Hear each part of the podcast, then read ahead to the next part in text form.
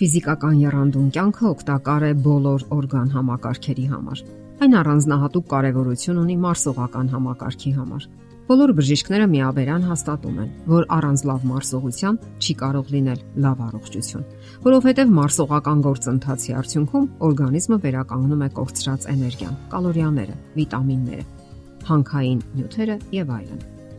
Մարսողական գործընթացը իրականում բավականին բարդ է Նրա վրա ազդում են տասնյակ գործոններ։ Մարսողական հյութերի ակտիվությունը, օրվա ժամը, տրամադրությունը, սննդատեսակը, տարիքը եւ այլն։ Թեթև ֆիզիկական աշխատանքը կամ շարժումը բարենպաստ են ազդում մարսողության վրա բոլոր տարիքներում։ Քիչ շարժվող ֆիզիկապես ոչ երանդուն մարդիկ ավելի վատ առողջություն ունեն եւ սովորաբար ավելի գեր են լինում։ Իսկ գիրությունը մեր դարի հիմնախնդիրներից մեկն է։ Լարված մտավոր աշխատանքը, ուսումը կամ խիստ երանդում ֆիզիկական աշխատանքը նույնպես արգելակում են մարսողության գործընթացները, քանի որ սնունդ ընդունելուց հետո օրգանիզմում տեղի է ունենում նյարդային համակարգի ուժեղ ակտիվություն ուղեղը ներգրավվում է գործունեության մեջ, որpիսի օգնի ստամոքսին։ Այսպիսով, եթե սնունդ ընդունելուց անմիջապես հետո ուղեղն ու մարմինը մտնում են մեծ ծանրաբեռնվածության տակ, դա արգելակում է մարսողության գործընթացը, քանի որ օրգանիզմի կենսական ուժերը, որոնք անհրաժեշտ են մարսողական բնականon գործընթացի համար, ներգրավվում են այլ գործունեության մեջ։ Իսկ հա ճաշից հետո թեթև զբոսանքը բավական օգտակար է հարկավոր է քայլել գլուխը բարձր, ուսերը ուղիղ կամ թեթև զբաղմունք պետք է գտնեք ձեզ համար։ Ամանները լվակ, ուրախ երգելով, տնային թեթև աշխատանք կատարեք եւ այլն։ Խորհուրդ չի տրվում նաև սնունդ ընդունել ֆիզիկական մեծ ծանրաբեռնվածություններից հետո։ Այդ դեպքում օրգանիզմը հոգնած է կամ դեռևս տաք է, չի հանգստացել Հարկավոր է սпасել մի փոքր, հանգստանալ ու խաղաղվել։ Մոտ կես ժամ հետո կարող եք սնվել հանգիստ վիճակում։ Եթե հաց եք ուտում ֆիզիկական ու նյարդային համակարգի ուժեղ ģերհոգնածության պայմաններում, սննդի մարսողությունը դժվարանում է։ Հետևաբար, եթե դուք գրգռված եք կամ հուզված, հոգնած եք ֆիզիկապես կամ մտավորապես, շտապում եք, ուրեմն հարկավոր է հանգստանալ։ Իսկ եթե դա անհնար է, ապա լավ է սնունդ չընդունել մինչև չհանգստանաք։ Ցավոք հասարակության եւ առանձին անհատների մոտ ընդունված են բավականաչափ ոչ օգտակար սովորություններ։ Դրանցից մեկն էլ կուշտ ուտելուց հետո պարկելն է։ Նրանք ասում են, որ իրենք այդպես հանգստանում են։ Ցավոք այդ սխալ սովորությունը ընդունված է հանգստյան տներում, մանկապարտեզներում եւ այլն։ Իսկ ինչով է դա սխալ։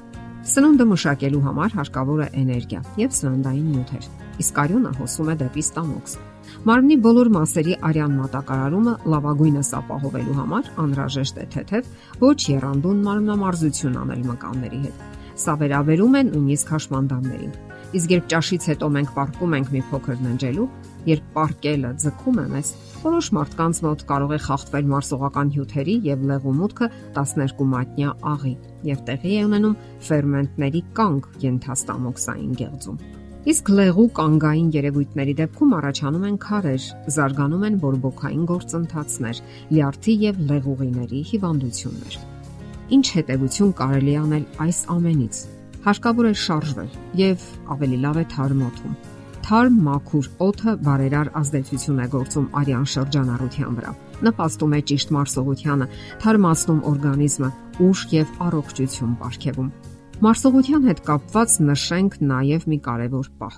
Անկարևոր չէ, թե մենք ինչ ենք ուտում։ Կան սննդամթերքներ, որոնք մենք հաճույքով ուտում ենք, եւ դրանք դրական լիցքեր են հաղորդում մեզ, նույնիսկ բարձրացնելով տրամադրությունը։ Իսկապես գոյություն ունեն տրամադրություն բարձրացնող սննդատեսակներ։ Դրանք օգնում են, որպիսի օրգանիզմում արտադրվի երջանկության հորմոնը՝ սերոտոնինը։ Այս նյութի բարձր պարունակությունը արյան մեջ ուրախության եւ էներգիայի զգացում է հաղորդում մարդուն։ Սերոտոնին արտադրվում է օրինակ այն ժամանակ, երբ մենք քաղցրավենիք ենք ուտում։ Շատ մարդիկ տհաճ տրամադրության ժամանակ ցանկանում են մի հաճելի բան ուտել։ Օրինակ՝ մի սալիկ շոկոլադ կամ ջեմ։ Քաղցրեղենից բացի այդպիսի հատկություն ունեն նաև կարտոֆիլը, մակարոնեղենը, բրինձը։ Նկատեցիք? Քաղցրեղեն եւ ածխաջրատներ, բայց չէ որ հենց դրանք են նպաստում գիրությանը։ Դե ինչ կարելի է թույլ տալ այդ ճոխությունը, սակայն փոքր չափաբաժիններով։ Օրինակ Հնդկաստանում կենսական տոնուսը բարձրացնելու նպատակով պարզապես խուրմա են ուտում։ Այն լավ քուն է ապարգևում, թուլացնում է եւ երջանկության զգացում տալիս։ Հնում դեպրեսիվ վիճակների ժամանակ արևելյան բժիշկները խորհուրդ էին տալիս չամիջ ուտել։ Տրամադրությունը բարձրացնող հատկություն է նկատվել նաև տանձի եւ հատկապես բանանի մեջ։ Նշենք նաև սպանախը, պոմիդորը, լոբազգիները, բադրիջանը, կարմիր պղպեղը։ Հակադեպրեսիվ հատկություններ ունեն նաև համեմը, կոտեմը, ռեհանը եւ նեխուրը։ Ֆիզիկական երանդուն կյանքը օգտակար է բոլոր դեպքերում։ Այն նպաստում է լավ մարսողությանը, բոլոր օրգան համակարգերի ներդաշնակ աշխատանքին։ Ավելորդ չենք համարում նշել նաև շատ ագերության մասին, ոչ հավասարակշռված, անկանոն եւ առանց չափի ու ռեժիմի սնվելը նույնպես կարող է վնասել մարսողության գործընթացին եւ վնասել առողջությունը։ Հարկավոր է կազմել հստակ ռեժիմ եւ հետևել դրան։ Այդ դեպքում ավելի ճշգրիտ են գործում օրգանիզմի կենսաբանական ռիթմերը։ Դե ինչ, Աստված ապարգևել է հրաշալի բարիքներ։ Սահմանել է կանոններ, որոնց հետևելը նպաստում է հիանալի մարսողությանն ու լավ տրամադրությանը։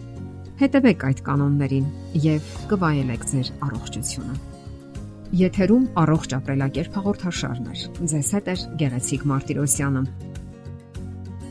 Հարցերի եւ առաջարկությունների համար զանգահարել 033 87 87 87 հեռախոսահամարով։